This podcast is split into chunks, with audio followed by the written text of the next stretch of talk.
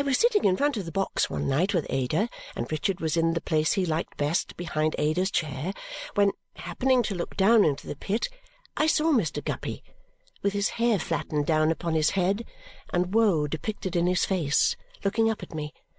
I felt all through the performance that he never looked at the actors but constantly looked at me, and always with a carefully prepared expression of the deepest misery and the profoundest dejection.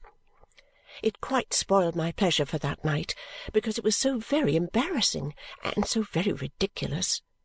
But from that time forth we never went to the play without my seeing Mr. Guppy in the pit, always with his hair straight and flat, his shirt collar turned down, and a general feebleness about him.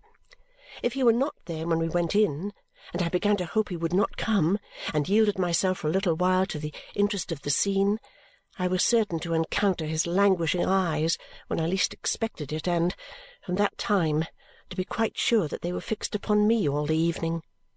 I really cannot express how uneasy this made me. If he would only have brushed up his hair or, or turned up his collar, eh, it would have been bad enough. But to know that that, that absurd figure was always gazing at me and always in that demonstrative state of despondency, put such a constraint upon me that I did not like to laugh at the play, or to cry at it, or to move, or to speak. I seemed able to do nothing naturally. As to escaping Mr. Guppy by going to the back of the box, I could not bear to do that, because I knew Richard and Ada relied on having me next them and that they could never have talked together so happily if anybody else had been in my place. So there I sat not knowing where to look.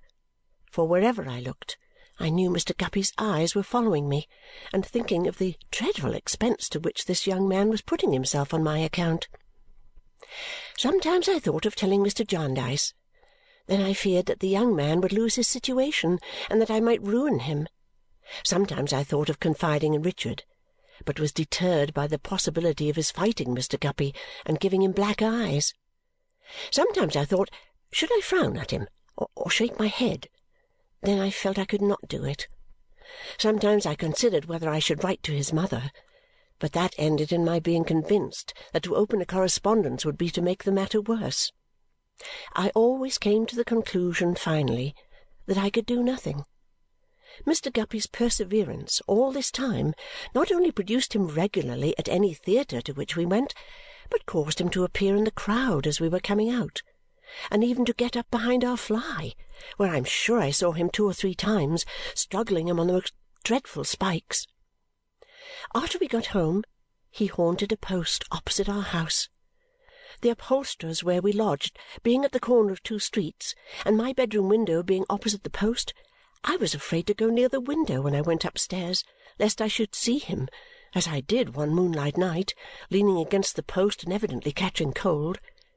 If Mr. Guppy had not been, fortunately for me, engaged in the daytime, I really should have had no rest from him. While we were making this round of gaieties in which Mr. Guppy so extraordinarily participated, the business which had helped to bring us to town was not neglected. Mr. Kenge's cousin was a Mr. Bayham Badger, who had a good practice at Chelsea and attended a large public institution besides. He was quite willing to receive Richard into his house and to superintend his studies, and as it seemed that those could be pursued advantageously under Mr. Badger's roof, and Mr. Badger liked Richard, and as Richard said he liked Mr. Badger well enough, an agreement was made, the Lord Chancellor's consent was obtained, and it was all settled. On the day when matters were concluded between Richard and Mr. Badger we were all under engagement to dine at Mr. Badger's house. We were to be merely a family party, Mrs. Badger's note said, and we found no lady there but Mrs. Badger herself. She was surrounded in the drawing-room by various objects indicative of her painting a little, playing the piano a little, playing the guitar a little, playing the harp a little, singing a little, working a little, reading a little, writing poetry a little, and botanizing a little. She was a lady of about fifty, I should think, youthfully dressed, and of a very fine complexion.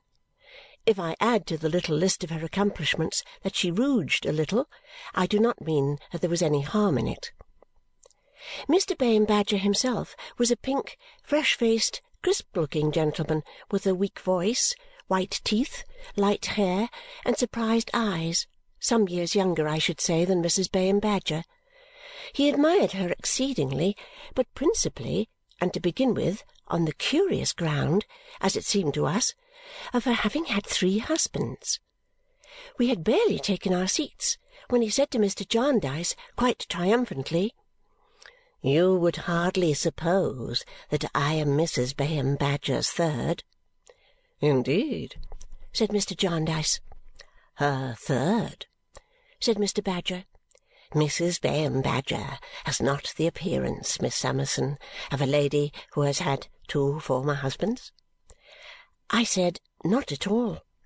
"And most remarkable men," said Mr. Badger in a tone of confidence.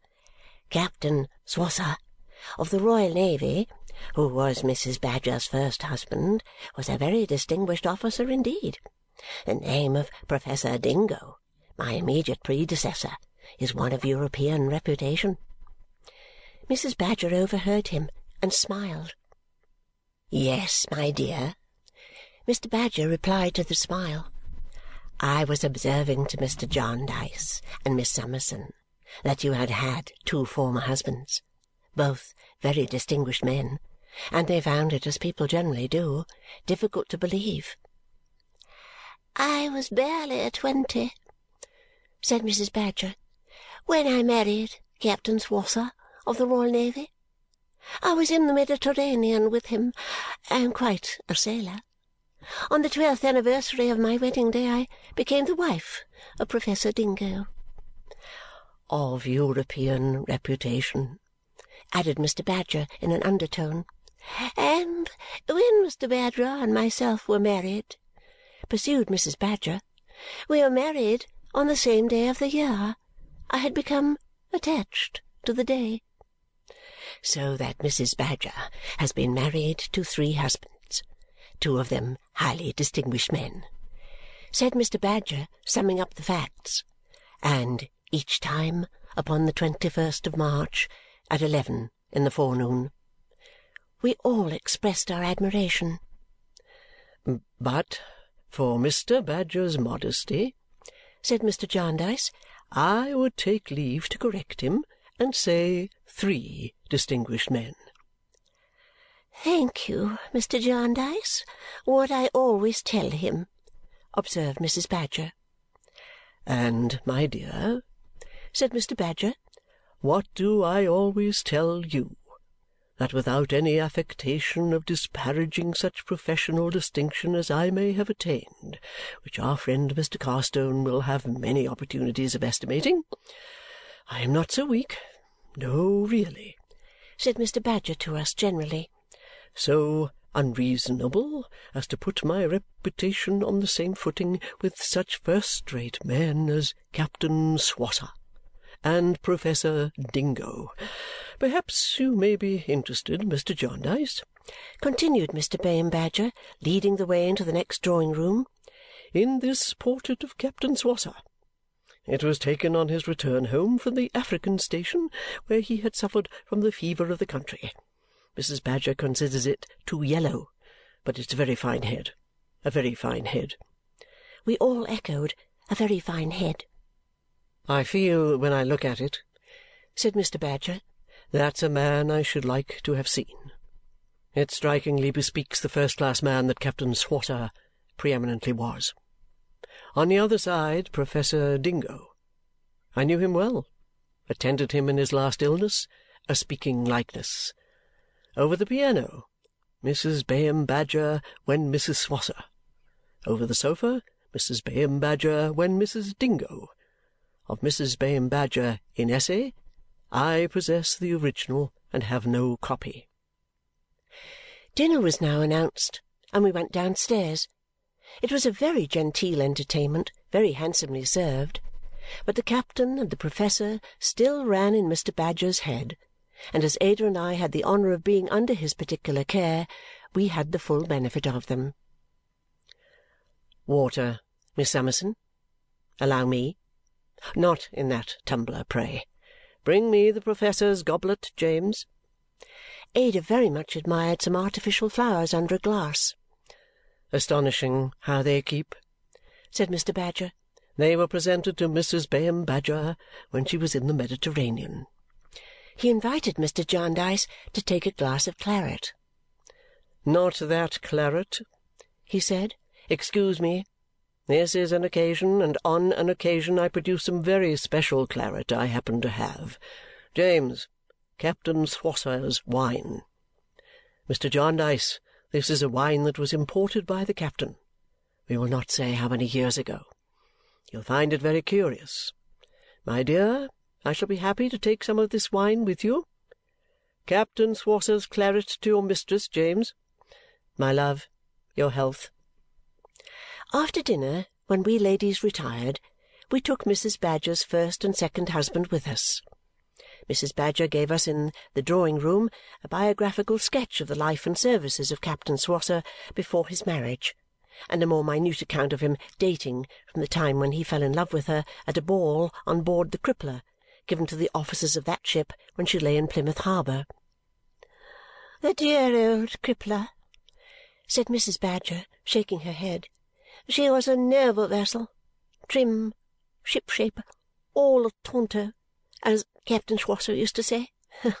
You must excuse me if I occasionally introduce a nautical expression. I was quite a sailor once. Captain Swosser loved that craft for my sake. When she was no longer in commission, he frequently said that if he were rich enough to buy her old hulk, he would have an inscription let into the timbers of the quarter-deck where we stood as partners in the dance to mark the spot where he fell, raked fore and aft. Captain Swosser used to say, by the fire from my tops. It was his naval way of mentioning my eyes. Mrs. Badger shook her head, sighed, and, looked in the glass. It was a great change from Captain Swosser to Professor Dingo. She resumed with a plaintive smile. I felt it a good deal at first. Such an entire revolution in my mode of life. But custom, combined with science, particularly science, inured me to it. Being the professor's sole companion in his botanical excursions, I almost forgot that I had ever been afloat, and became quite learned. It is singular that the professor was the antipodes of Captain Swosser, and that Mr. Badger is not in the least like either. We then passed into a narrative of the deaths of Captain Swosser and Professor Dingo, both of whom seemed to have had very bad complaints. In the course of it, Mrs. Badger signified to us that she had never madly loved but once, and that the object of that wild affection, never to be recalled in its fresh enthusiasm, was Captain Swosser. The professor was yet dying by inches in the most dismal manner, and Mrs. Badger was giving us imitations of his way of saying with great difficulty, "Where is Laura? Let Laura give me my toast and water," when the entrance of the gentleman consigned him to the tomb,